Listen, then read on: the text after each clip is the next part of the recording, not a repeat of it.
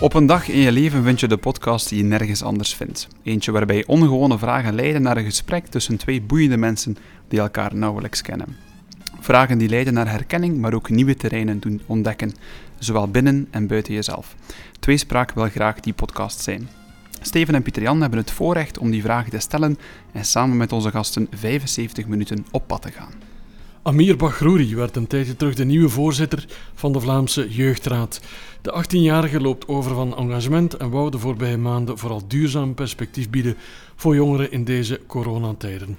Met een duidelijke mening onder de arm laat hij zich regelmatig horen in de media en roept hij op tot verantwoordelijkheid. Zijn compagnon de route vandaag heet Leen den Dievel, bekend als tv-actrice in series als Spring en Thuis, maar evengoed in de theaters of op het grote witte doek.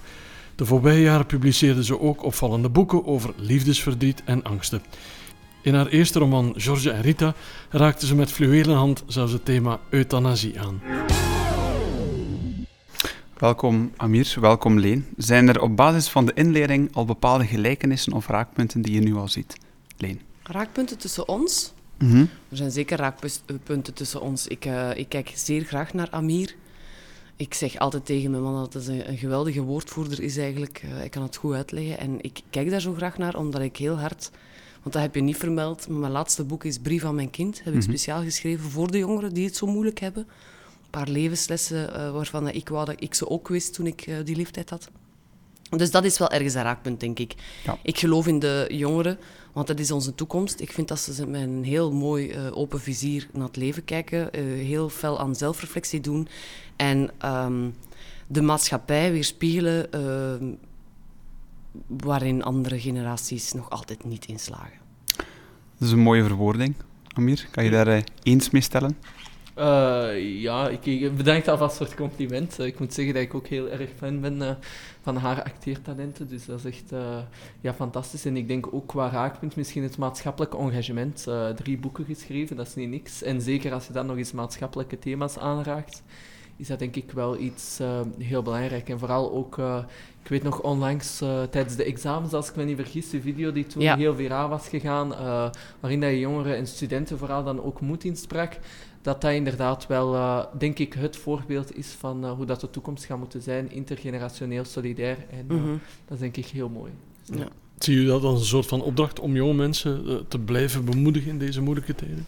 Um, natuurlijk, ik ben geen uh, vaderfiguur of zo, dus dat is een beetje moeilijk om te zeggen. Je maar bent ik... zelf nog jong. Allee, Ja, wel, het is dat. Dus dat is, uh, wat, allee, ik moet zelf ook nog genieten van het leven, zou ik zeggen. Maar ik denk inderdaad wel van, uh, zeker vandaag, jongeren hebben het niet gemakkelijk gehad en het gaan het moeilijk blijven hebben. De gevolgen die zijn er, allee, die gaan nog erger worden waarschijnlijk en rampzaliger. Wat daarin denk ik wel belangrijk is dat we daar allemaal verantwoord mee omspringen met die ja, toch wel toenemende verantwoordelijkheid, omdat we gewoon ouder worden. Maar het is ook wel belangrijk om onszelf nog steeds wel jong en vrij te laten zijn en te laten proeven en genieten van het leven. Mm -hmm. Amai, ik denk dat we helemaal warm gedraaid zijn om een fantastische aflevering het door te maken. We hebben tien vragen die we elke keer stellen aan onze gasten. Hebben jullie die op voorhand even doorgenomen of is het gewoon à la minuut? Nee, ik weet dat ik uh, die in mijn mailbox heb gekregen, maar ik laat mij graag verrassen. Als ik al voorhand al een vraag weet, dan zal mijn antwoord altijd helemaal anders zijn. Het zijn wel ongewone vragen, Helene, dat weet je. Ik ben daaraan gewoon. Voilà. Amir, bij jou hetzelfde? Uh, ja, ik, ik, ik ben inderdaad ook zo... Ik bereid me heel weinig voor, uh, omdat dat inderdaad zo... Ja, anders komt het misschien zo wat minder natuurlijk over dan ter plekke die vraag te stellen. Dus ik ben niet voorbereid. Dus ik hoop dat ze niet al te moeilijk en uh, vreemd zijn. Ik stel voor gewoon meteen beginnen met de eerste vraag. Het is ook de laatste op de lijst met de vragen zelf. En dat is de volgende. Wanneer je morgen wakker zou worden met één eigenschap of talent die je nu niet bezit, wat zou dat talent of die eigenschap voor jou, Amir, we beginnen bij jou, dan zijn? Um, maar dat is een goede vraag. Ik, ik, zou denk ik zeggen nu, in uh, zo'n beetje de sfeer van het EK enzovoort, een goede spits op het veld als voetballer. Ik heb zelf vroeger ook gevoetbald. Uh, ik was centrale verdediger, maar niet met de talenten van uh, de topvoetballers. Maar ik zou denken dat misschien een goede spits wel, allee, zo à la Lukaku wel iets goed zou zijn, ja. ja. Is dat iemand die je bewondert omwille van zijn talenten of ook zijn persoonlijkheid? Uh, ik zou zeggen beide. Uh, omdat hij, ja, hij combineert natuurlijk ook zijn sport. Hij blinkt daarin uit, dus hij is daar heel goed in. En tegelijk ook zijn maatschappelijke engagement dat hij opneemt. En uh, ook echt het voortouw neemt in een aantal, uh, ja, toch wel zijn strijd bijvoorbeeld voor Black Lives Matter enzovoort. Um, dat dat denk ik wel... Uh, dat heb ik graag aan mensen die... Want dat wordt vaak gezegd van zo influencers of sporters of zo, dat dat zo inhoudsloze mensen zijn of zo. Terwijl je heel vaak nu steeds meer ziet dat ze ook wel steeds meer een activistische rol opnemen. En uh, ik vind dat wel goed. Allee, belangrijk, want ze zijn nog steeds wel een voorbeeld voor heel veel jongeren. Dus. Hm. Je zegt meteen iets dat met sport te maken heeft. Bij iemand die vaak sport of die dat ook belangrijk vindt? Um, ik, ik, sport wel vaak. Um, nu door corona was dat een beetje minder, want de fitness was gesloten. Dus uh, mm. ik ben uh, iets voor 11, 12 maart vorig jaar, dus voordat de lockdown werd afgekondigd, was ik echt zo actief begonnen met fitnessen. Maar ja, corona gooit natuurlijk roet in het eten. Uh, maar ik probeer wel geregeld te sporten en ik vind dat ook wel een beetje belangrijk. Ja. Zo wat bewegen uh, enzovoort. Dat is, dat, dat, is ook mentaal, kom je even tot rust. Even geen gsm, uh, want ik ben echt allee, verslaafd niet, maar als ik niks te doen heb, dan gebruik ik wel heel vaak mijn gsm. Ja. Dus dat is even een moment om tot bezinning en rust te komen. Nu moet je een uur lang zonder gsm, dat zal... Ja, maar ik ben bezig, hè, dus ik doe niet niks, snapt? Oké, oké. oké. En een side note, want deze podcast wordt ook veel later uitgezonden, dus we weten al de winnaar van het EK. Wie wint het EK volgens jou? Ik zou zeggen Italië. Ja. Italië. Oké, okay. Leen knikt. Deze uitzending wordt overigens op 6 juli uh, opgenomen op de vooravond van Spanje-Italië. -hmm. Halve finale. Leen, wanneer jij morgen wakker zou worden met een bepaalde eigenschap of talent dat je nu nog niet hebt, wat zou dat dan kunnen zijn? Zingen. Ik, uh, ik heb dat heel vaak gezegd tegen mijn man. Ik ben jaloers op, uh, op zijn talent, omdat je kan dat eigenlijk altijd uitvoeren wanneer je wil. Je kan een gevoel of een emotie altijd gaan, gaan uiten door gewoon een nummer te zingen, welk nummer dan ook. Ik kan niet zomaar ineens een monoloog ten berde brengen thuis of zo je kunt altijd eender wanneer zingen. En als je goed kunt zingen, oh, dan is dat toch fantastisch. Dus dat zou ik wel uh, heel graag kunnen, in het volgend leven of zo. Ja. En zing je wel eens zonder dat iemand anders het hoort? In ik heb nog gezongen in een coverband. Ik kan een klein hm. beetje zingen. Maar uh, sinds ik mijn man heb leren kennen, toch wel een van de beste stemmen van Vlaanderen, als ik dat zelf mag zeggen. Absoluut. Um, ik, heb ik een klein beetje faalangst wat uh, zingen betreft. Ik laat het zo. Hoe belangrijk is muziek voor jou in je leven? Zeer. Ja. Zeer, ik kan daar veel in kwijt. Uh, elk nummer heeft wel ergens een, een herinnering of, een, of een, hangt wel vast aan een of andere emotie of situatie. Um, ja, zonder muziek waren we, zijn we maar niks eigenlijk. Ja. En dat maakt ons altijd benieuwd, want in een vorige reeks hadden we de soundtrack van ons leven. Wat zou daar zo allemaal op staan op die, op die plaat? Ho, ho, ho. Uh, veel hoor. Uh, veel verschillende dingen. Um, ik denk nummers waarin je um, het verdriet die ik heb gehad wel ergens kan, kan terugvinden. De vreugde ook, heel uitbundige nummers. Uh, maar ook heel veel nummers met zo krachtige nummers. Powerful. Zo wat, ja, de Powerful Women of zo. Geef eens een paar voorbeeldjes. Ja. Ja, dit. Ik, ik, ik, ik vind het heel moeilijk om een voorbeeld te geven, omdat dat ook... Dat zijn al helemaal andere nummers dan Um, ja, fijn, als, als, ik, als, ik, uh, als ik zou sterven, dan, dan, uh, dan mag er...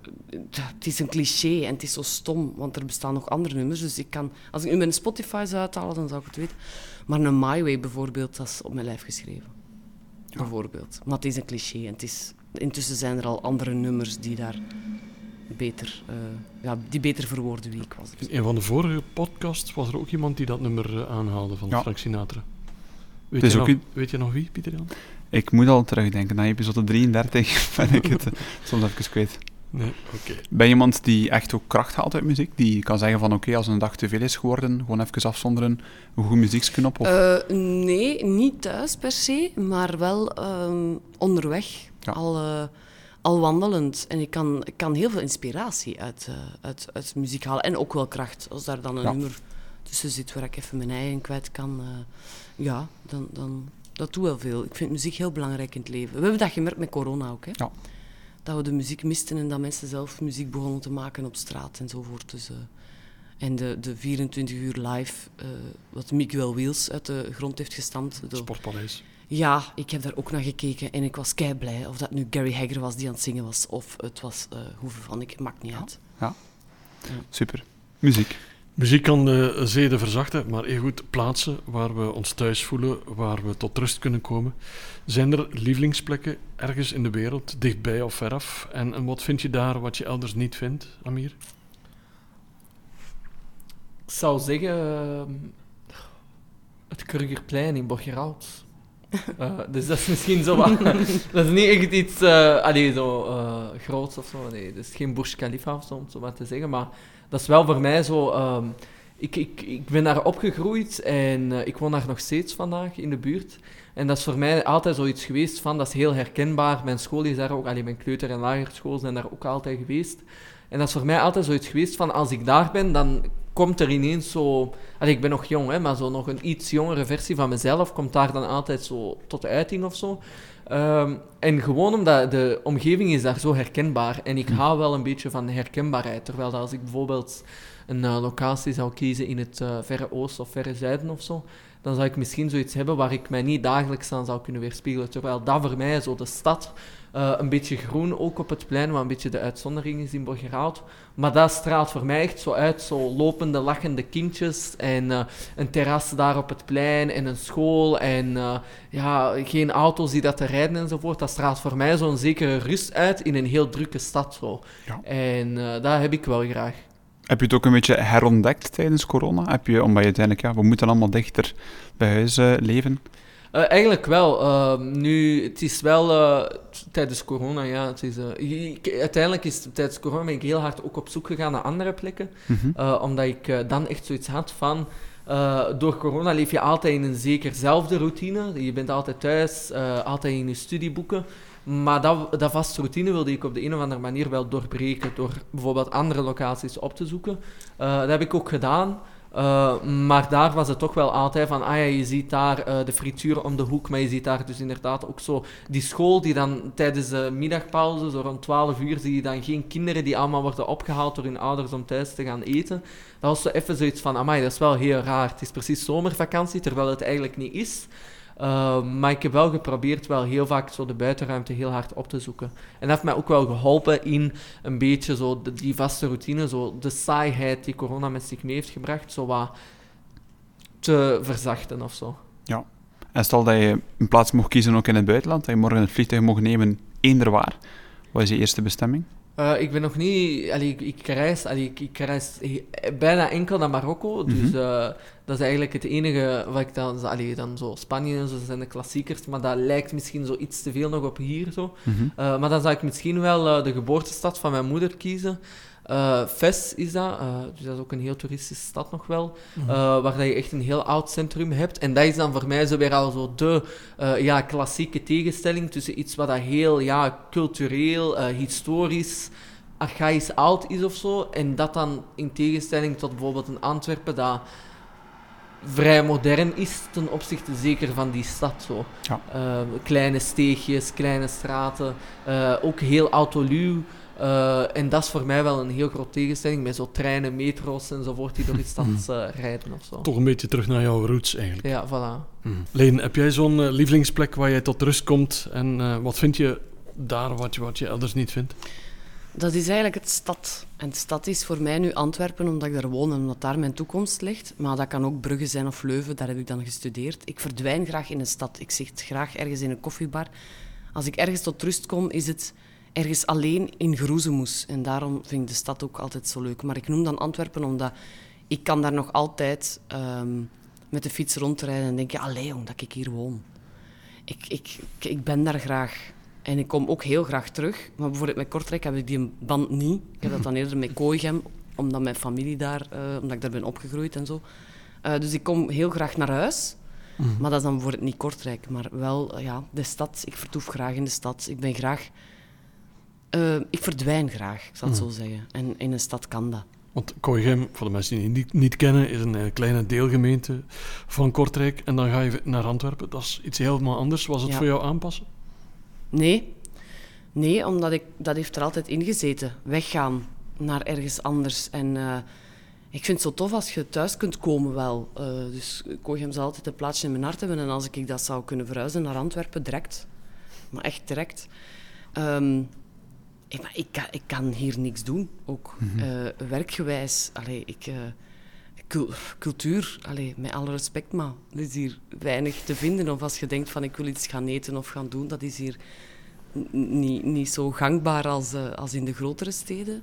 En ehm, ja, er moet leven zijn gewoon. Ik moet, het moet toegankelijk zijn. Ik kan met de fiets overal naartoe. Terwijl als je in een dorp woont, dan had ik een auto nodig. En Ja. Dat vind ik niet zo, Ja. niet zo leuk. Had je al ooit van Kooihem gehoord, eh, Amir, trouwens? Nee.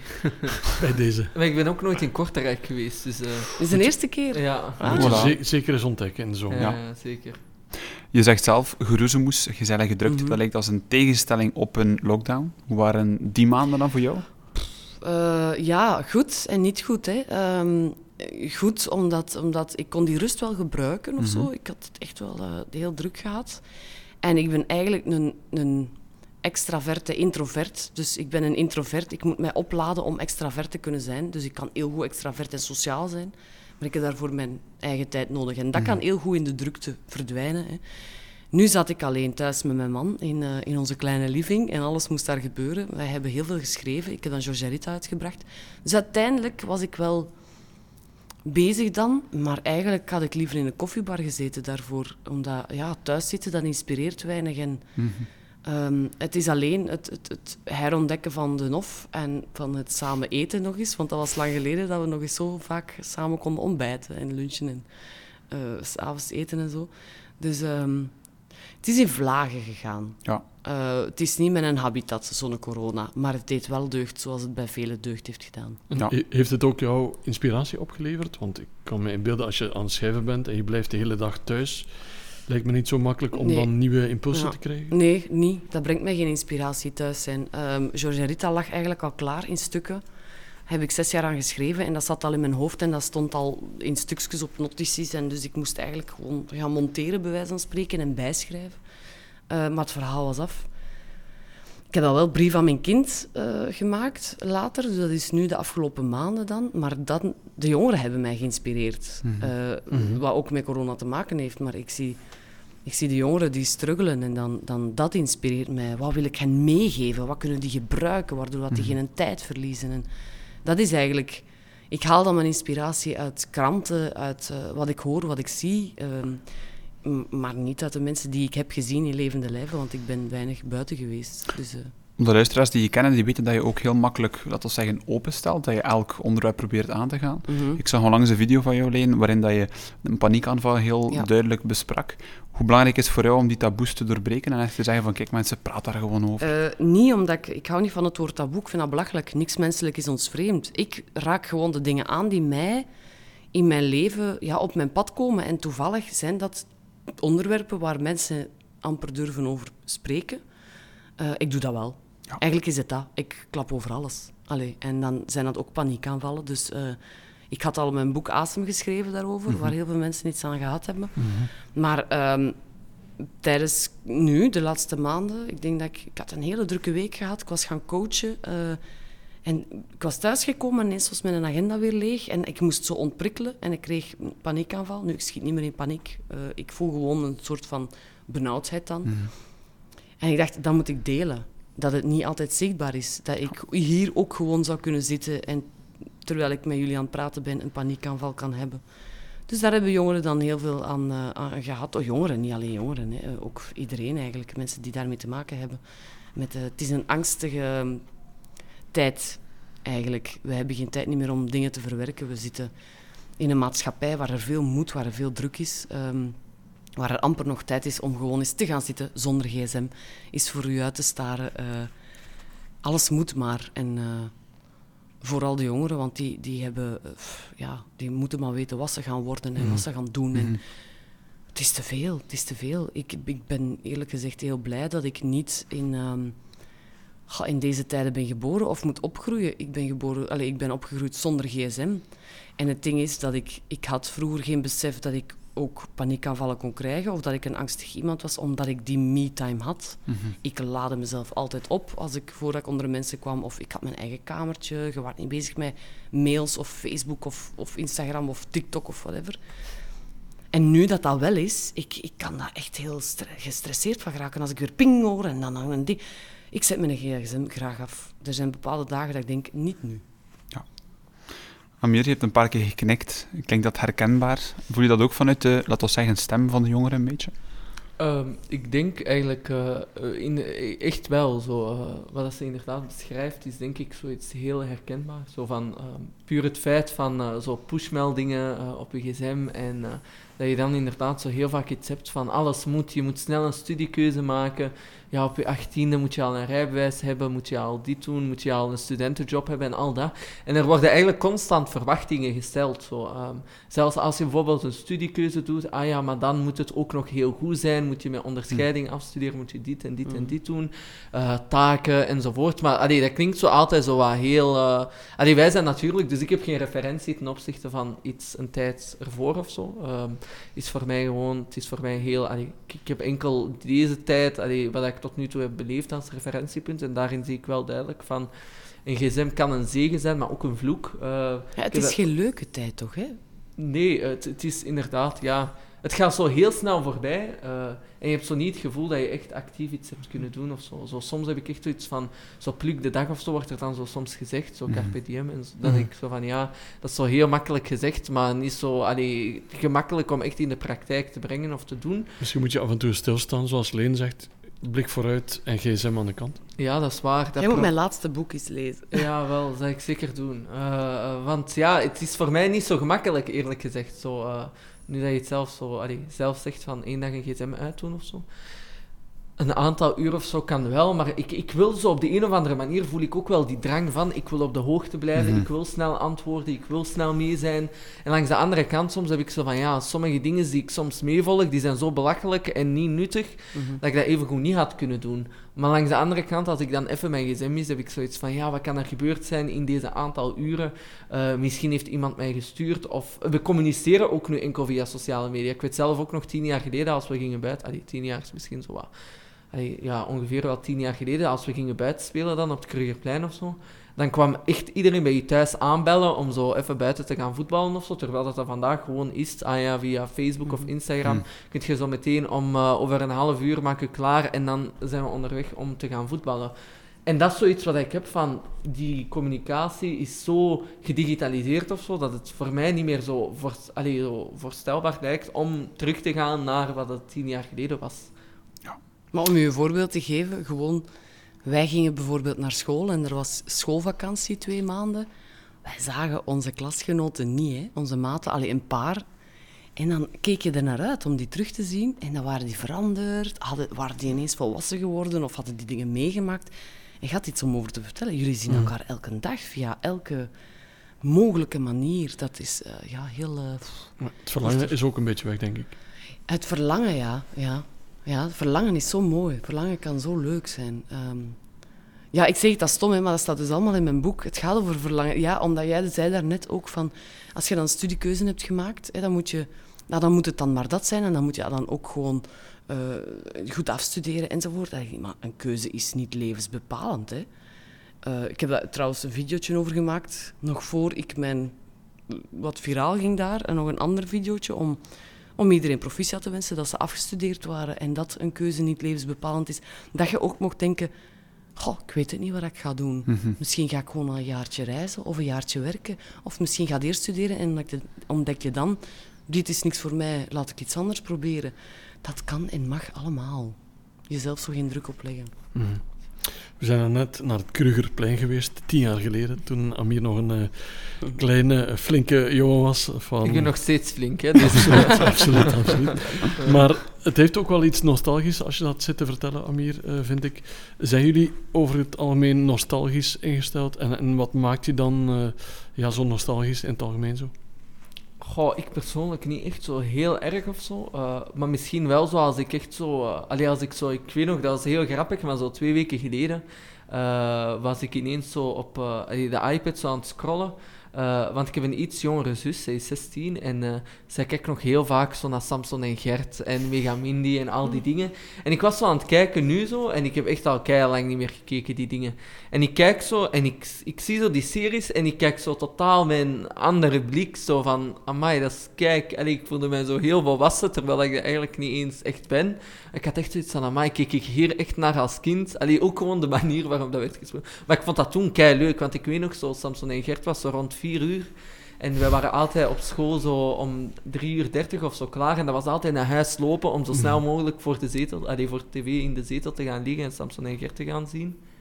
Maar nu heb ik zoiets van, amai, dat ik daar zo vroeger echt zo heel erg fan van was. Ik begrijp dat zo langs de andere kant.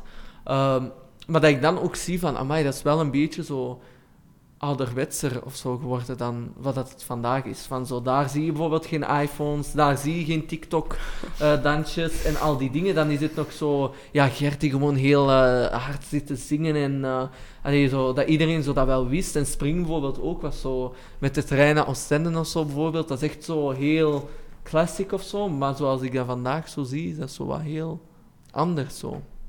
Maar langs de andere kant heb ik soms zoiets van... Wat was het toch wel leuk om vroeger zo snel naar huis te lopen voor Samson en Geert. Vandaag zou ik dat niet doen voor geen enkele serie. Dus dat is zo wat ik heb van... Dat is misschien wel iets... Oké, want uiteindelijk, ja, het leeft toch nog altijd onder de mensen. Ze hebben twee jaar geleden ondertussen al een heel sportpaleis gevuld met de throwback party, Mhm. denk ik dat was. Dus op zich dat ook fantastisch. Ik was er zelf ook bij. Uit, eh, eigenlijk zelf totaal niet geschaamd, ik vond het fantastisch. Maar uiteindelijk leeft dat wel, dat mensen terugkijken naar iets dat vroeger was. Ik vind dat op zich mooi. Ik heb ook naar Samson en Herta naar de Spring gekeken, dus eh, het is perfect normaal. Is er geen nieuwe reunie gepland? Eh, ja, Ik ben er niet bij. eh. Ik zit niet in een muziekgroepje. Oké. het is een, ja, normaal eh, eind dit jaar. Ja, Is er een ja, nieuwe- in december ergens. is het. throwback party. Ja, ja. Leen, ben jij nostalgisch van aard en wat Zeer. zorgt ervoor dat je dat wordt? Zeer. Ik kan eh, mijn periodes, en zeker in de corona, ben ik eh, zeer nostalgisch eh, geweest. Ben ik eh, terug naar Dawson's Creek gekeken.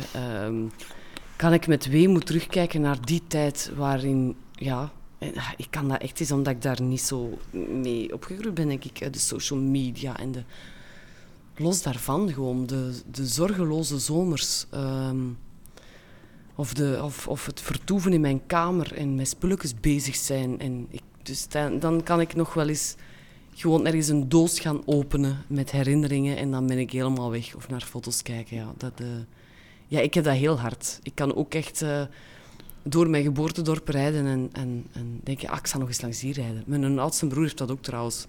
Rijd nog eens langs hier, langs dat wegelingsje. En dan komen allerlei dingen naar boven. Tuurlijk, ja. Dat, gewoon als kind. Wie dat je waard als kind. En bij mij is dat lang geleden. Ik ben ondertussen al bijna 40. Dus, eh, ehm, ja, ja, ik kan daarin ehm, echt in gaan liggen, in de nostalgie. Maar ook op tijd uitkomen hoor. Want eh Ja. Mocht daar niet blijven in liggen. Hè. We zeiden net dat je van je mama kwam nu. Kan je dat met haar ook? Terugkijken op de zaken zoals het vroeger Absoluut. Ja, Ja, ja, ja, ja. Wij praten dikwijls over vroeger. Wij deden dat altijd, ook met eh, mijn grootouders toen ze nog leefden en zo. En we hebben binnenkort een familiefeestje en daar eh, gaat het dan ook over. Weet je nog? Ja, ja. Dat is leuk. Ik vind dat leuk. zeker. En van nostalgie gaan we misschien wel ook een keer eh, vooruitspoelen naar de, naar de toekomst. En dan zou ik wel eens willen weten ehm, waar jullie, jullie zelf zien staan over vijf jaar. Stel dat we, we zijn anno 2026 dan. Waar zie jij jezelf staan, Leen, binnen vijf jaar? Eh, in een ander huis. Mhm. We hebben een te klein huis. Het is, eh, dat hebben we gemerkt tijdens de corona. Wij hebben plaats nodig om creatief te zijn en Mhm. eh, onze eigen plek. En blijf je in Antwerpen Ja. en omgeving? Ja. De omgeving. Het mag iets groener als ik maar met de fiets naar de stad kan. Dat Ja. is of met de tram. Of, eh.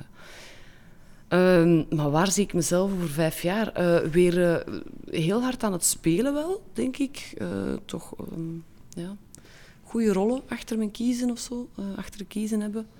En voor de rest misschien nog geïnspireerd geraakt door een boek. Of, of allee, die ik wou schrijven. Of, maar dat, ik laat eigenlijk een beetje alles op mij afkomen. Ik doe wat ik graag doe en ik, doe, ik volg mijn buik daar wel heel hard in. Mhm. Uh, ik heb altijd wel ergens iets in mijn achterhoofd van dat wil ik nog gaan doen.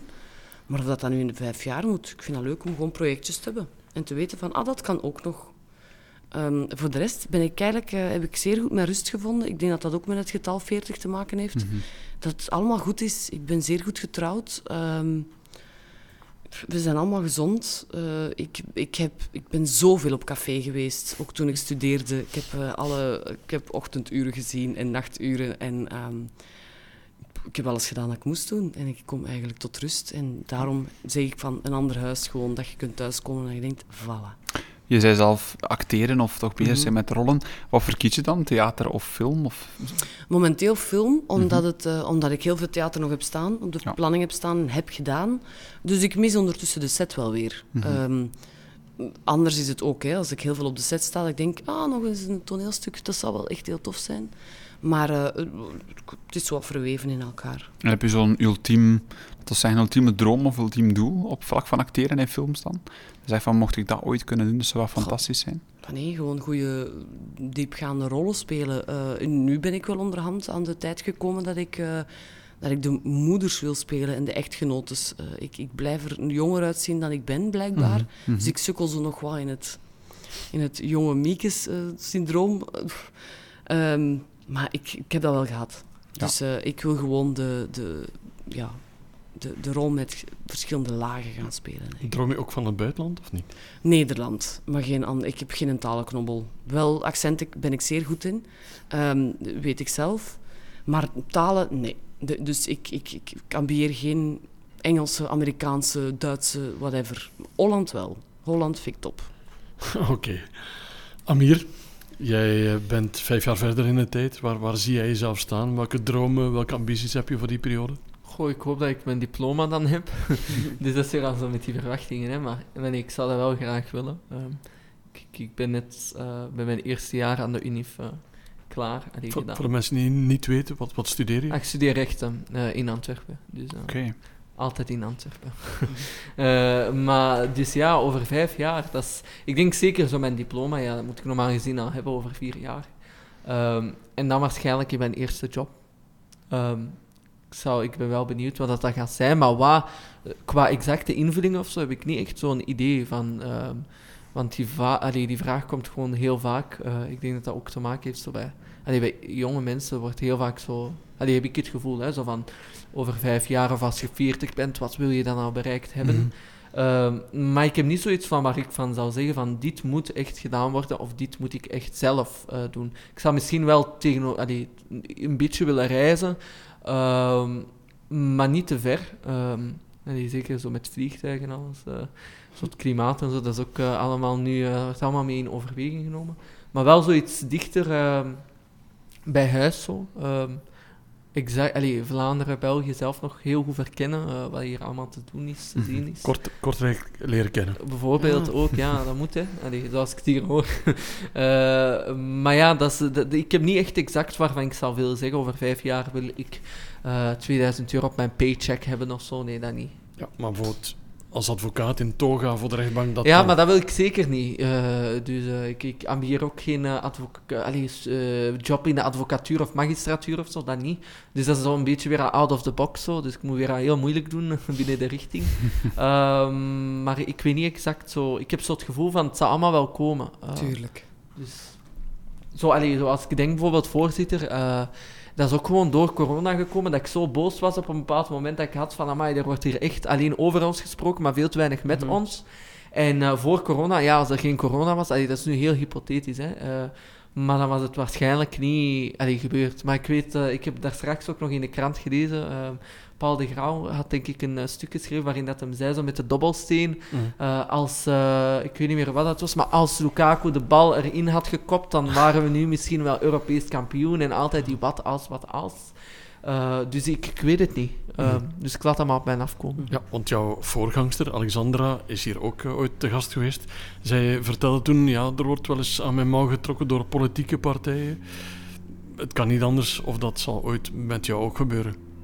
Um, of is al gebeurd misschien? Niet gebeurd, uh, maar ik ambieer ook geen uh, politieke ambities. Allee, ik heb geen politieke ambities, zou ik zeggen. Uh, dat is denk ik niet echt iets. Ik ben daar niet de geknipte persoon voor. Allee, op het moment, hè, want je mag nooit nooit zeggen. En wie weet dat ik weer al over tien jaar zoiets heb van dit wil ik echt veranderen. Eh, en dat kan enkel maar via de politiek, ja, dan zal dat wel moeten. Eh, ik ben gewoon iemand die graag dingen in verandering wil zetten. Maar of dat, dat per se in de politiek moet of via de politiek. Ik denk dat je daar soms minder mee bereikt dan Voilà. op een andere Hmm. manier. Ja, ja, ik dat denk dat je van een kale rest terugkeert, Dat is waar. helaas. Want de vraag, al was je voor één dag premier, wat zou je eerste agendapunt zijn? Die is eruit gehaald. Die zit niet meer in de running van de podcast. Allee. Maar er is wel een vraag in de plaats gekomen. En die is de volgende. En die is, stel je voor dat je morgen mag wisselen van beroep. Je mag morgen eigenlijk een ander beroep uitoefenen dan hetgeen je vandaag uitoefent. Amir, wat zou dan jouw beroep zijn? Ja, ik heb nu echt niet echt een beroep. Hè. Ik ben student. Ja. dus dat is zo wat, eh, maar misschien als ik vandaag zou zeggen, eh zou ik misschien wel...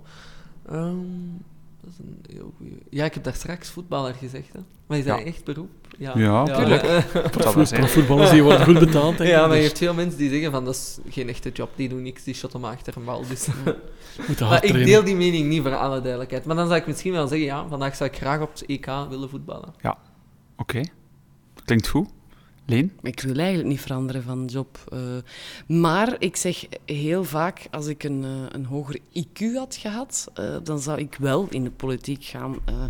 omdat ik er soms niet tegen kan hoe de minister van Onderwijs met alles omgaat. En dat hij niet met jullie in communicatie gaat. Ehm, ik zou daar veel willen veranderen. Ehm, ja, dat zou ik wel gaan doen. Ik En zou het beginnen met dialoog? Met puur in, in contact staan met de jongeren dan? Of? natuurlijk, luisteren naar... Ik bedoel, de scholen zitten vol met studenten. Naar wie moet je luisteren? Naar studenten. Ik bedoel, wat willen zij? En ik, ik, ik kan me nog heel goed verplaatsen in wat wil je eigenlijk als student? En wat is een goede leerkracht? Hoe moet die opgeleid zijn? Eh, en dat heeft echt niks met eindtermen te maken. En weet ik veel wat allemaal. Of met de ad- nodige administratie die er nu allemaal bij komt kijken. Neem je tijd voor jonge mensen. Luister ernaar. En ehm, de beste lessen die worden gegeven, dat zijn eigenlijk de bijvragen die worden gesteld in een of andere les.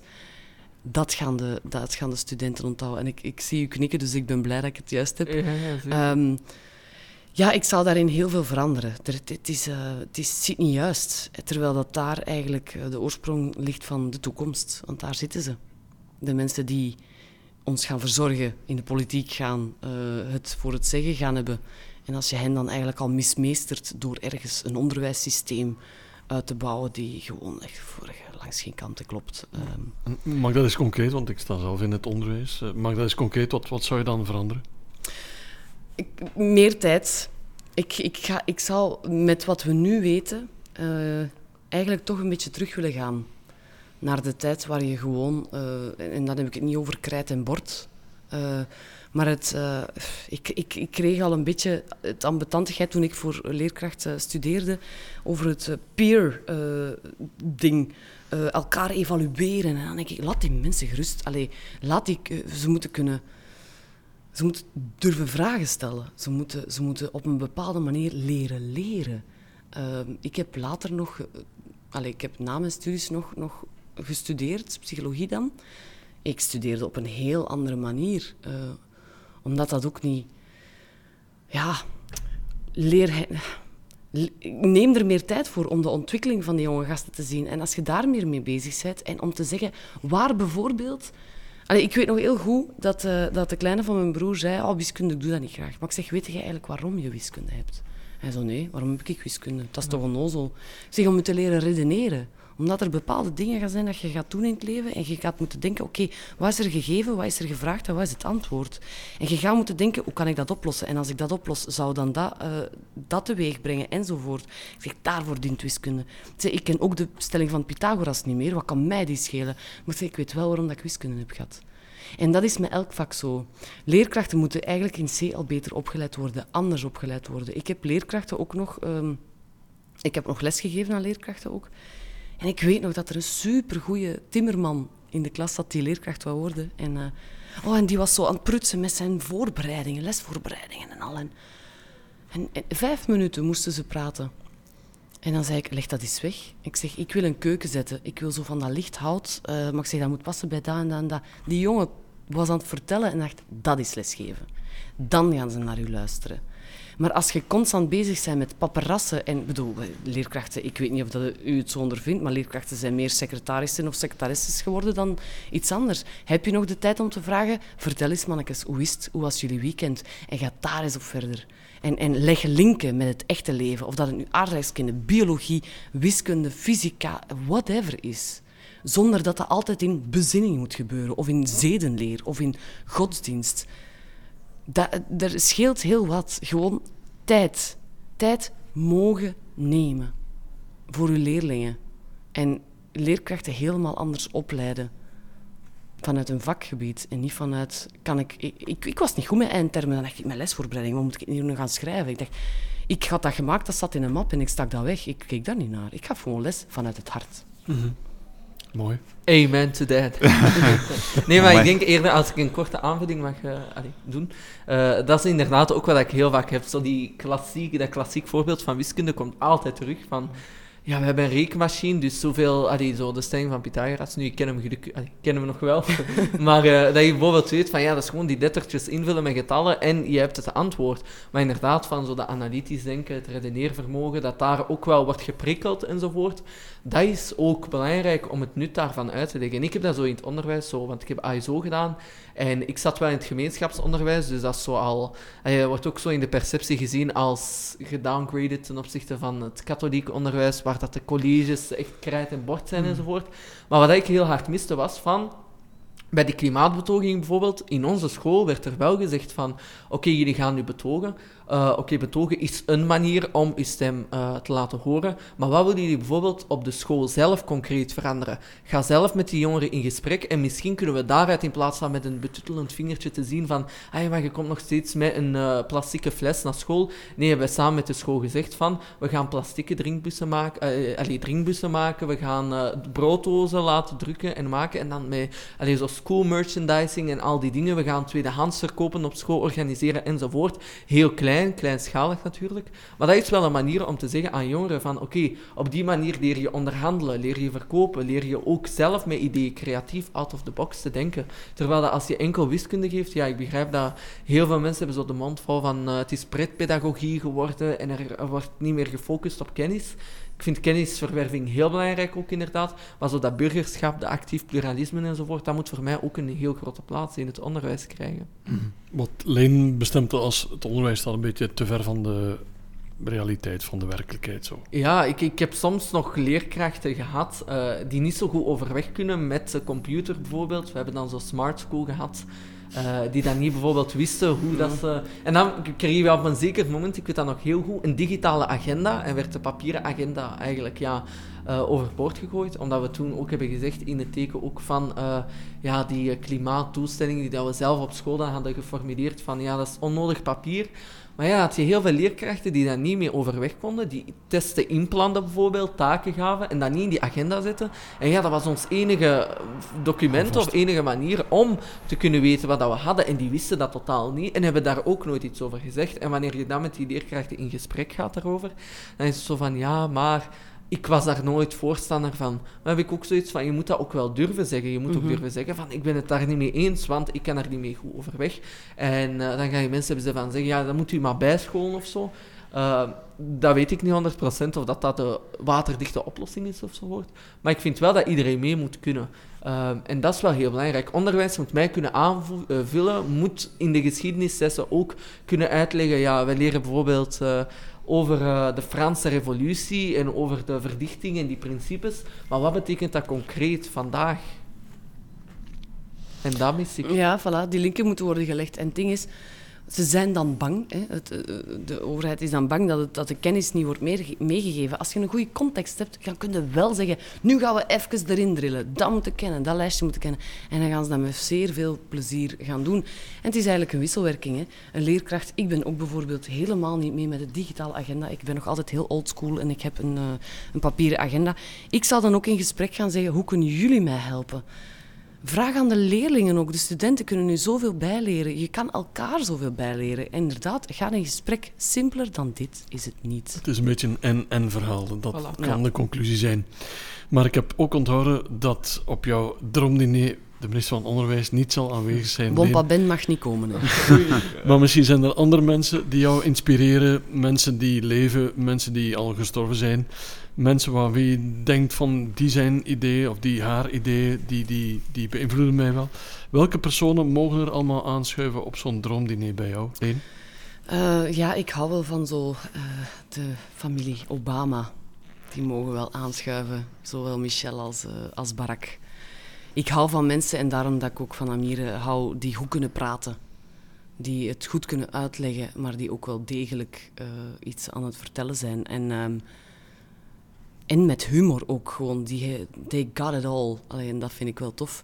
Maar ook met een Frida Kahlo die niet meer eh, leeft. Met, eh, ah, er zijn heel veel inspirerende eh, mensen. Mensen in mijn omgeving ook. Een Charlotte de Kok. Ik hou van mensen die iets maken, iets creëren. Ehm, Voor de mensen die haar niet kennen, wie, wie is Charlotte Kok? dat is een kunstenares eigenlijk eh, in Antwerpen. Bijvoorbeeld, allee, ik zeg nu maar iets. ehm, maar ja, zo van die mensen die, die, ja, die creëren, die hun eigen pad volgen en die heel authentiek blijven. En ehm, die ook ergens een keuze maken en daar volledig voor gaan. Daarvan hou ik wel. Gepassioneerde mensen. Gepassioneerde mensen, ja. ja. Die durven spreken, op welke manier dan ook. Is het met schilderij, met muziek of met woorden. Het is allemaal goed. Ze zijn trouwens al een paar keer gepasseerd in de podcast, de Obama's. Ze staan Steven. hoog op nummer 1 bij, Ah ja. bij de mensen. Amir, heb jij inspirerende mensen die jou Eh, de weg wijzen? Ik zou misschien, eh, en dat is misschien geen klassieke, eh, die dat ik pas dit jaar ben, eh, allee, een beetje heb leren kennen in de studie, maar ik zou misschien wel Hannah Arendt zeggen. Hmm. Ehm, is heel, ehm, haar ideeën zijn zo, ehm, ja, moet ik het zeggen, verfijnd en die zijn zo toepasbaar. Allee, dat is voor mij echt zo tastbaar van, dat had evengoed in 2021 geschreven kunnen worden. En ehm, je merkt gewoon heel veel van die dingen, eh, zie je vandaag gewoon terugkomen. En ik hou wel van ook wel zo inderdaad mensen zo die met passie echt gaan voor wat dat ze echt in geloven, maar tegelijk ook wel een zekere vorm van kennis hebben ehm, die ook ter beschikking willen stellen. Ehm, en die altijd vertrekt vanuit een zeker maatschappelijk engagement. Ik vind dat heel belangrijk. Van, ik wil met mensen kunnen spreken over koetjes en kalfjes. En bijvoorbeeld met Lukaku over eh, wat zijn leukste goal was. Of welke voetbalshirt hij het eh, mooiste vond van Inter of zo. Of bij Manchester United of zo. Maar ik wil ook wel echt met mensen kunnen spreken over hoe kijk jij naar de uitdagingen in onze samenleving. Wat zou jij voorstellen? Eh, of met mensen, ja, heel bekende denkers, zoals bijvoorbeeld een John Stuart Mill, eh, ook eh, dit jaar pas leren kennen van, ja, die leefde 300, 400 jaar geleden. Maar wat zou uw oplossing zijn voor, ja, zo die uitdagingen die we vandaag in onze samenleving hebben? Omdat we gewoon, soms heb ik zo het gevoel van, we durven niet meer te zeggen ehm, waar het echt op staat. Eh, we zijn zo in alles zo wat geworden van, ja, heel zo het korte termijn denken of zo heeft ons verblind of zo, heb ik het gevoel. Zo, we denken altijd zo van het moet snel gebeuren en we mogen niet te veel mensen voor de borst stoten. Mhm. En het moet allemaal, iedereen moet er wel ja mee kunnen knikken. En als er 10% niet mee eens is, oké, da- daar doen we het niet voor. Maar ik heb zoiets van, voor sommige dingen moeten we wel durven zeggen dat het snel moet Mhm. veranderen. Het wordt allemaal een beetje mainstream. We durven geen eh, Voilà, heilige ja. huisjes meer aan te Voilà, ja. Wat zou je klaarmaken op zo'n droomdiner? Kook je zelf of ga je iets afhalen? Mm, eh, ik, ik ben niet zo'n fantastische... allee, ik ben eh, geen culinaire chef of zo. Het enige wat ik kan koken ja, zijn zo klassieke dingen. hè, Zo. Ik kan wel zo pasta en zo maken enzovoort. heb ik wel allemaal geleerd. Dus, eh, maar ik zou denk ik wel gewoon iets afhalen, ja. Of ik zou gewoon mijn moeder couscous laten maken voor iedereen of een tagine. Ja. Maar wel vegetarisch. Ik eet geen vlees. Ah ja, oké. Dus dat is ook weer al zoiets... eh als ik zo in Marokko zeg van ja, tagine, ik eet of couscous, doe voor mij geen vlees of zo. Dan kijkt iedereen me zo raar aan van, amai, wat, zit jij niet honderd in je kop of zo? Dan heb ik zoiets van, eh, jawel, maar het is echt gewoon... Ik lust vlees, allee, ik heb dat ooit gegeten, hè, maar ik heb daar nooit zo de band mee Mm. gevoeld of zo. En je hebt zo mensen die gewoon zeggen van, ik lust veel meer groente en na groente heb ik ook zo echt een gevoel van, in de avond moet ik dat niet snoepen en moet ik dit dan niet doen. Terwijl als je ja, zoiets iets ongezonder eet of zo, heb ik zo'n gevoel van, eh, maar ook zo frisdrank of zo. Ik zal dat niet toelaten bijvoorbeeld op een diner. Geen frisdrank, eh, enkel water eh, of eventueel wel zo verse sap of zo. Eh, maar eh, geen ongezonde proef. Mhm. Oké. Leen, wat maak jij klaar voor de Obama's en voor Charlotte? Spaghetti. Ja, daar kunnen mij altijd voor wakker maken. Ehm, ik ben ook geen grote vleeseter, maar in mijn spaghetti moet er toch gekapt eh, zitten. Ehm, dat is eigenlijk het enige. Daar, eh, daar, daar, daar moet vlees in zitten. Dat Ja. is er beet aan. Ehm, maar eh, ja, spaghetti. En met een kavakke erbij. En, ja, het is een beetje anders. ja. Hadden hier trouwens drie podcasts geleden hadden we Hendrik Dierendonk te gast. En die zei, het beste ter wereld is nog altijd een stutte met gekapt en mosterd. Oh, amai. Het is af. Mm, en wel wat, dingen. Met wat zout op en Ik maak nu geen reclame, sorry, voor de vegetarisch. Maar trouwens, Eh. heel veel respect, want ik vind het zelf ook heel lekker, vegetarisch. Want ik vind dat dat iets eh, onderschat is de dag van vandaag. Ja, eh, dat, is, eh, allee, dat is niet zo... Maar ik heb ook het gevoel, heel veel jongeren zijn vegetarisch Ja, hè? geworden. Mhm. Zo. Ja, en ze beginnen wel mee te zijn. Hoor. Allee, ik bedoel, als je naar een restaurant gaat, ik, ik vraag ook graag een slaatje bij, of ik hoef niet Voilà. echt vlees, dat de slaatjes toch al wat beter zijn. Ja, Ja. klopt, klopt. Niet uit een eh. Ja, Nee. en ook eh, zo puur, eh, inderdaad, zo... eh, oei, sorry. maar puur qua, inderdaad, zo... Ik, ik merk heel hard zo van... maar nu ook zo, bijvoorbeeld als je kijkt, zo... Je hebt zo'n hele fastfood, was dan zo heel populair en wordt er zo soms gezegd, we zijn de McDonald's-generatie of zo. Terwijl ik zo het gevoel heb dat zo veel minder... Ehm allee, ik weet nog, allee, ik denk dat iedereen wel McDonald's dus. Ik dus dat zelf ook. Dus soms heel, allee, nu heb ik ook heel lang niet meer gegeten, maar ik, ik weet wel zo van, als ik echt zo inderdaad zo zie van salades of zo zijn veel meer, ja, die hebben gewoon aan populariteit gewonnen. En ook zo, ja, frisdrank wordt nu zo ook veel minder eh, goed gepercipieerd of zo. Dus ik heb het gevoel dat we allemaal zo iets meer zijn overgeschakeld naar een gezondere levensstijl of zo. Ja. Ben je trouwens vertrouwd met het woordje gekapt, zoals we dat hier zeggen? Eh, ja, ja, ja, ja, zeker wel, zeker wel. Ik dacht dat dat typisch West-Vlaams was, maar... Nee, nee, nee, nee, ja. Eh, Ja, Maar trouwens, even, eh, de vegan burgers tegenwoordig zijn dus echt super lekker. Ja, Ja. Ja. Zeker. Dus ik ga wel, als ik kan kiezen, dan, eh, dan doe ik ook wel vegan of zo. Dus ik ben niet... Ik ben heel... Ik doe alles met mate. Alles met mate. Als er iets is dat we misschien niet met mate moeten doen, is misschien wel complimenten geven aan elkaar. Mhm. En daar zou ik misschien gewoon graag de volgende vraag aansnijden. En die is wat dat je het meest bewondert aan jezelf. Je mag voor jezelf eens een compliment geven, maar het is een- soms een heel awkward vraag, merken we onder de Hmm. podcastgasten toch. Maar Leen, wat bewonder jij het meest aan jezelf? Ik heb daar geen schrik voor om dat te zeggen. eh, dat ik altijd eh, mijn buik volg. Ehm, ik weet heel goed wie ik ben, wat ik wil, wat ik kan en wat ik niet kan. En ik ga altijd mijn buik volgen. En ik ben wel iemand die dan bijvoorbeeld ergens tegenin gaat gaan.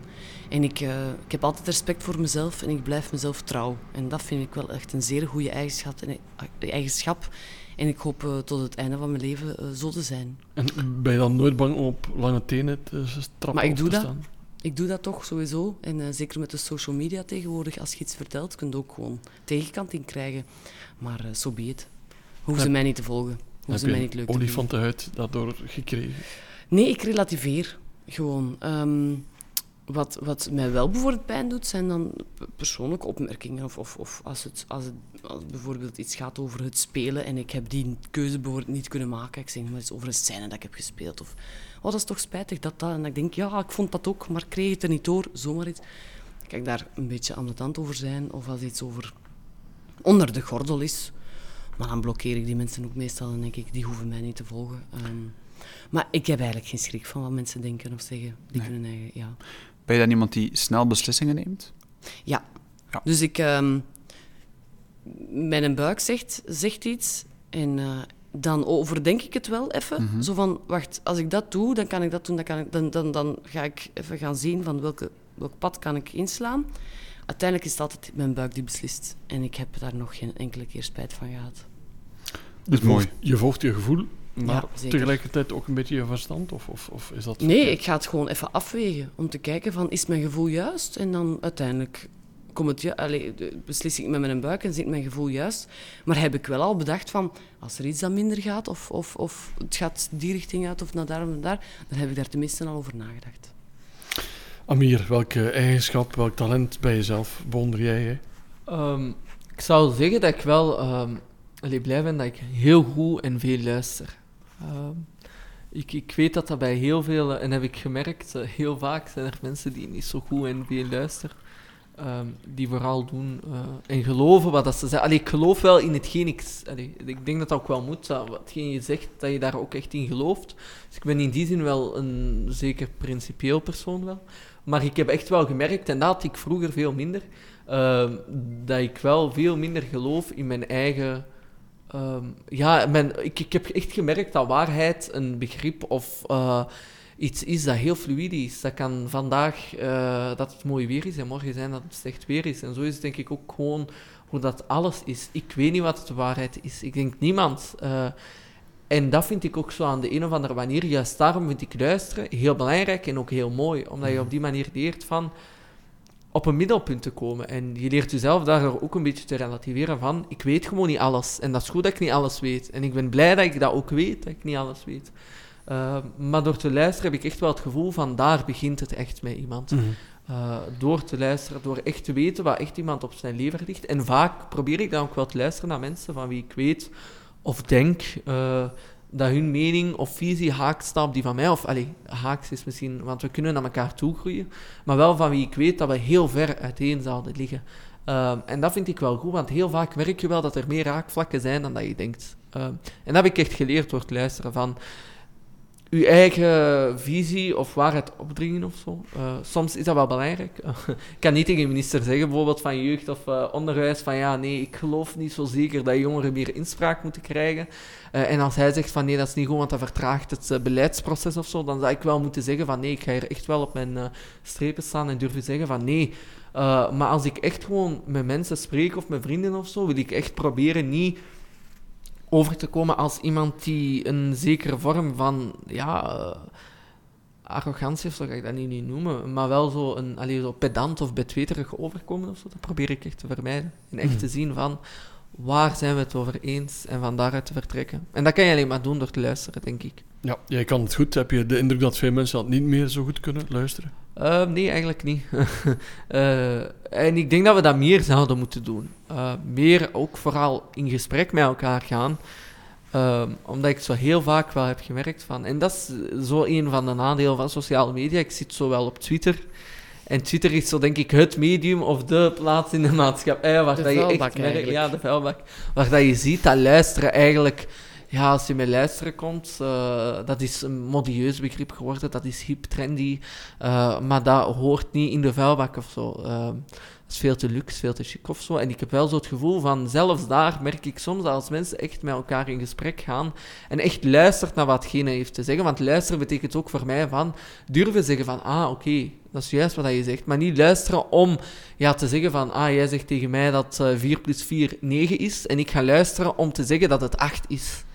Uh, nu, allee, dat is een heel belachelijk voorbeeld. Dus iemand daarmee, dat is moeilijk om te zeggen van ik ga luisteren. Maar voor sommige dingen denk ik wel dat het mogelijk moet zijn om te zeggen van ik luister en ik ben bereid om mijn mening bij te stellen. Uh, en dat vind ik heel belangrijk. Misschien een taakje voor het onderwijs, om dat daar te leren? Ja, absoluut. In gesprek gaan met elkaar, een discussie aansnijden en kijken van oké, okay, jij denkt dat, jij denkt dat. Hoe kunnen we naar elkaar toegroeien eigenlijk en eigenlijk een soort van conclusies of, of, of consensus gaan, gaan vinden. Absoluut, dat moet daaraan geleerd worden. Maar ja, daar is de tijd niet voor. We gaan tijd maken. Hmm. Dat moeten zeggen aan Bomba Ben. Uh, nu we het hebben over uh, inspirerende momenten en inspirerende woorden. Uh, er zijn soms ook quotes die mensen uithangen in hun living, in hun slaapkamer, bureau. Welke quote heeft er op jullie invloed gehad? En, en welke wil je delen met de wereld in deze podcast? Amir? Mm, ik denk... Uh, creëren is beter dan reageren. Uh, ik weet nog, een jaar geleden heeft iemand dat tegen mij gezegd. die zo zei van, dat is echt hoe dat ik in het leven sta. En dat is denk ik wel heel... daar probeer ik ook eigenlijk wel elke dag zo mee bezig te zijn. Zeker als we zo iets als Vlaams Jeugdraad doen, uh, probeer ik echt wel zelf na te denken, zelf met ideeën te komen, zelf te zien van eigenlijk altijd gewoon, dat klinkt misschien nu heel verkeerd of zo, maar altijd een stap voor zijn. Zo, mm van, ik, ik wil niet dat op een zeker moment iemand tot bij mij komt van ik ga ineens uit de lucht vallen. Dat wil ik niet. Ik, ik, wil dat vermijden. Ik, ik, ik wil echt zoiets hebben van, ik kan mijn idee zelf komen of ik kan zelf iets in mijn leven creëren in plaats van te reageren van, ik wil niet per se kansen toegeworpen krijgen. Ik zou zelf ook willen van, ah ik wil zelf ook uh, kansen grijpen, zoals bijvoorbeeld, ja, als ik een rechtenstudie doe, ja, wie weet dat ik ooit ga acteren, wie weet dat ik over 15 jaar denk van, oei, ik, ik, ik heb een heel, of regisseren, of van, deze is echt een fantastisch idee en daar wil ik iets mee gaan doen. Maar niet zoiets van, ja, dan creëer ik dat zelf, maar niet van, ah ja, reageren op... Uh, het ideaalbeeld van de rechtenstudent die later als advocaat in maatpak uh, zijn cliënten verdedigt in de rechtszaal. Dat is, dat is niet mijn ik, ik geloof daar niet zo in. Ik heb echt het gevoel van hoe meer je zelf ja, creëert. En dat heeft denk ik ook te maken met het feit van ik, ik sta zelf achter hetgeen wat ik doe. Terwijl als je vaak reageert, zit je al in een bepaalde hoek. Ehm, en dan is je reactie altijd op de een of andere manier gekleurd of ja, ingevuld door die hoek waarin dat je zit. Terwijl als je zelf creëert, zelf kunt kiezen waarop dat die andere persoon zou moeten reageren. Dus dat is in mijn ogen van ik creëer en de ander reageert, in plaats van dat de ander creëert en ik reageer. Maar dat is uh, heel helder, moet ik zeggen. Leen, wat vind je daarvan? Uh, ik vind dat heel, heel mooi en heel goed. Uh, dat is altijd beter. Ik denk dat je altijd beter kijkt naar wat kan ik doen en wat kan ik daarmee doen met wat ik nu eigenlijk op mijn pad krijg. En uh, dat maakt alleen maar dat er mooie dingen dan daaruit komen dat we kunnen delen met de mensen. Ja. Um, maar om, om op de vraag eh, die je hebt gesteld aan uh, Amir te antwoorden. Ik heb uh, eens gehoord van een vriendin, uh, beloof niks wat je niet kan waarmaken. Dat is eigenlijk een hele belangrijke. Als je geen eenvoudig, zin hebt, maar... eenvoudig, maar als je Classic. geen zin hebt om met die persoon af te spreken, zeg dan ook niet van zeker, we gaan zeker eens afspreken of iets niet wil doen of waarvan je weet van, jij ziet mij dat doen, maar ik denk niet dat ik het kan zeg dat dan ook. Maar het is, wat dat jij ook zei daarnet, uh, Amir, dat het vaak moeilijk is uh, om dat te durven zeggen. Um, maar het maakt je leven wel gemakkelijker. Nu, één die ik eigenlijk de wereld wil insturen, en uh, eentje die, die ik ook in mijn, mijn laatste boek Brief aan mijn kind heb gezet, is... Als je niet durft flirten met falen, zal je nooit dansen met succes. Doe gewoon. Durf gewoon. Want anders sta je gewoon stil en ga je niks bereiken. Het kan zijn dat je daarin faalt. Ja, zo. So, kunt eruit leren. Move on. Falen, falen, is... Falen is altijd wel een optie. Maar absoluut. Falen is altijd een optie. Maar dat maakt toch niet uit. Het is maar door te vallen dat we weten hoe we moeten rechtstaan. Mm -hmm. Ik refereerde even naar Rox, vandaar...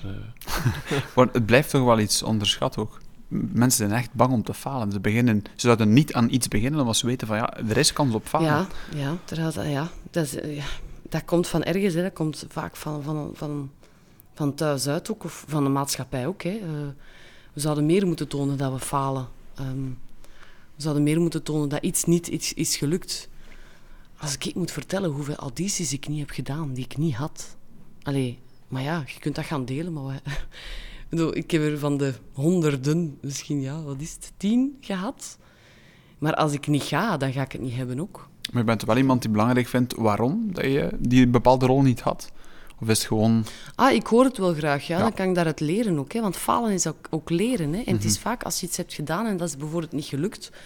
Um, om een voorbeeld te geven. Ik hoorde het nog onlangs uh, op de re reunie van Friends. Um, David Schwimmer had een auditie gedaan. Dat is Ross mm Friends. Nee, niet meer? Ik heb het niet gevolgd, nee. Oh my god. Ik ken het, ik ken het, maar ik heb het ook niet gezien. Ik heb het ook niet gezien. Oké, okay, maar dus... Um, ja, zeer goede acteur. Enfin, hij, um, hij had ooit auditie gedaan voor, voor een pilot van iets en hij had de rol niet. Nu, de makers van Friends zijn met Friends bezig en de eerste aan wie dat ze denken voor een bepaalde rol is... Er is er ene geweest ooit voor een auditie en die hebben we onthouden. Dat is de Ross. Mm. En dat, door die ene auditie te doen waar het hem eigenlijk gefaald heeft, dan zo gezegd, of die misschien als falen heeft aangevoeld, mm -hmm. heeft hem wel echt uh, de meest belangrijke uh, rol van zijn carrière gehad. Ja. Het is mm. vaak, ja, het is vaak dat. Je kan, ik, ik had ook een gesprek met een jong iemand ook die zei van, ja, maar ik wil gaan samenwonen met iemand, maar ja, we denken aan Gent. Maar ja, als we dan een huis kopen, ik zeg dan verkoop het terug. Als je ergens anders wilt en dan misschien door daar te gaan wonen, ga je weten van, ah, zo wonen wij samen en ga je misschien nog naar een beter huis. Allee, dat, zijn, dat zit in kleine dingen. Het zit echt vaak in, in kleine dingen. Ik bedoel, verkeerd rijden in het eh, even je GPS niet volgen en ergens een weg inslaan of, of op reis even een steegje inslaan. Maar dat was eigenlijk niet de bedoeling. Je komt de beste cafés tegen. Het zit in kleine dingen. Ik hoorde toch ook, ook een beetje die spontaniteit in die naar boven komt. Van, wees ook een keer wat spontaner misschien. Maar natuurlijk. Ja. Weet ook, eh, doe gewoon. Doe gewoon wat in je opkomt. En denk niet te veel na over. Maar als het niet lukt, ja, als het niet lukt, dan lukt het niet. Ja. Punt. Alles wordt zo'n beetje geprogrammeerd, hè? Ja, De laatste tijd. dat willen we toch, maar we zijn geen robotten, hè. we zijn mensen. En Nee. de technologie en de maatschappij staan niet stil, maar de mens blijft nog altijd de mens met hetzelfde brein. Mhm. Mm.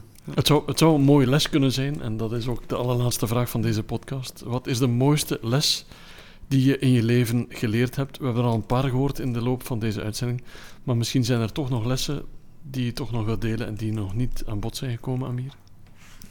Ik zou vooral zeggen, doen.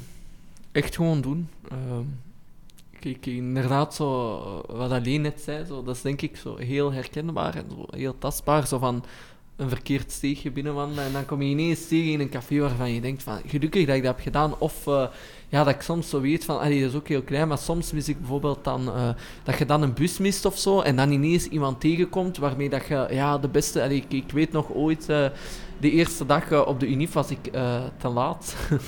dus dat is geen ehm goede, goede voorbeeld misschien. maar kwam te laat en de persoon die dat ook te laat was... En ik heb eigenlijk niemand leren kennen doorheen het jaar. Maar de persoon die dat met mij te laat was... En we waren vijf minuten of zo te laat. Maar we moesten wel... eh allee, we moeten zo even wachten en inchecken en al die dingen. Maar door het feit dat we allebei te laat waren...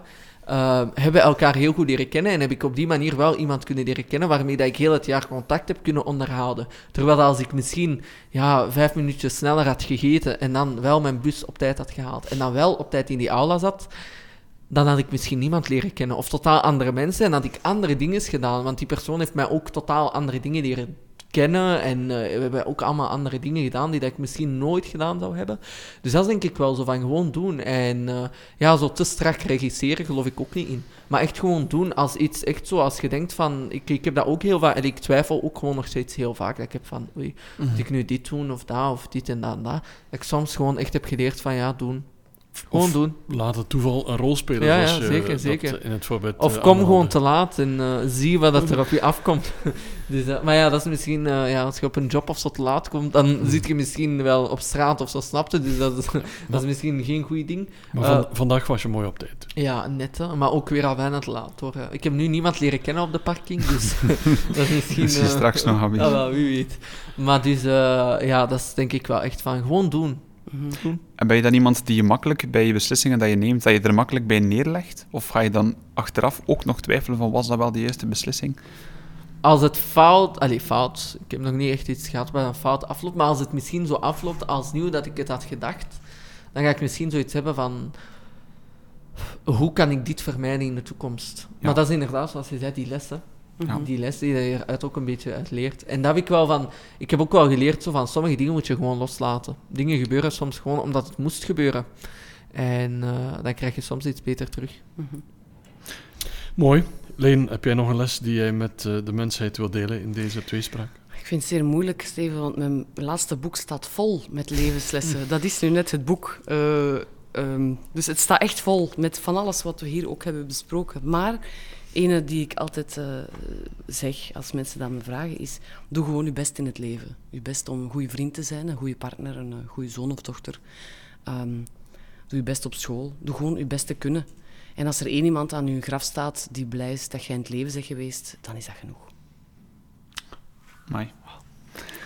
Dat is mooi gezegd. Dus het lijkt mij ook iets als we... Eigenlijk allemaal zaken dat we te- gewoon te weinig beseffen. Dat we Ja, eigenlijk niet bij stilstaan. bij stilstaan. Ja, ja. Dus jullie moeten ook mijn boek lezen. Het We is gaan voor dat elke generatie. Denk dat we zeker eh, genoeg luisteraars hebben die het nu gaan lezen. Maar het is allemaal heel basic wat je zegt en Maar het is voor heel- de hand ik het maar is ook zo. Oh, zo waar, hè? Dus ik, ik had ook mijn boekje geschreven en het zijn allemaal mijn basic dingen. Dat ik altijd heel, heel hard... Ik sta wel stil bij de dingen. En ik dacht van, oh, dit is een, een dun boekje. En ik heb daar eigenlijk, ja, ik heb daar hard aan geschreven, maar niet zo lang aan geschreven. Maar ik wou delen. Ik dacht van, maar wat dat al teweeg heeft gebrek- gebracht. Terwijl het echt van die basisdingen zijn. Maar mensen moeten het gewoon nog eens lezen. Ja, het zijn van die simpele dingen, denk ik, van die eenvoudige dingen, dat we gewoon meer moeten bij stilstaan. Mhm. En besef dat het ook anders kan. Fijn dat het in deze podcast aan bod kon komen. De simpele dingen des levens. En uh, ze liggen voor het grijpen, maar we zien ze niet altijd. Ik denk dat dat toch een van de belangrijkste lessen is van vandaag. Zeker en vast. Amir en uh, Leen, dankjewel voor jullie komst. Hoe hebben jullie deze podcast ervaren? Het was niet zomaar een doorsnee interview, denk nee, ik. Nee, dat is uh, ja, vrij... Uh, ik heb een aantal podcasts gedaan, maar dan gaat heel vaak zo heel specifiek over wat zijn je plannen de komende jaren en dit en dat en dat en wat heb je al kunnen verwezenlijken. maar dat was inderdaad zo inderdaad, dat zijn zo heel simpele dingen, maar die toch wel heel herkenbaar zijn, denk ik. Mhm. Voor iedereen. Ik denk dat iedereen zich er wel in kan herkennen van is te laat komen en al die dingen die dan ook wel eens ter sprake mogen komen, vind ik, omdat het allemaal ook zo te serieus is geworden. Ja. Leen? Ik ben vooral blij dat ik Amir heb ontmoet. Nee, ik ook. Voilà. Hetzelfde. Fantastisch. We zijn heel blij dat jullie ook geraakt zijn uh, vanavond. Bedankt voor, uh, voor de inzet ook. Steven ook opnieuw bedankt voor uh, episode 33 ondertussen. Ik begin Ja. al te tellen. Dit was de laatste van een lange reeks. We gaan er eventjes uit. Ja, niet voor de luisteraars, want de uitzendingen blijven doorlopen, maar de opnames liggen nu een maandje stil. We gaan zelf even onthaasten en even niet aan technologie denken. En tegen dan is de Europese kampioen voetbal bekend. In het zin of onze voorspelling uitkomt. Ja. Want dan wil ik, eh, oh, ja, volgend jaar is het WK, dan wil ik in Villa Sporza zitten om mijn analyses te delen. Oh, Voilà, voilà. heerlijk. Als het juist is. Ja. Nee. Super, alleszins bedankt. Amir, Leen, bedankt voor jullie komst en Zeer eh, graag gedaan. En tot fijne vakantie. Dankjewel, Zeker, Jan. dankjewel. En tot weespraak. tot tweespraak.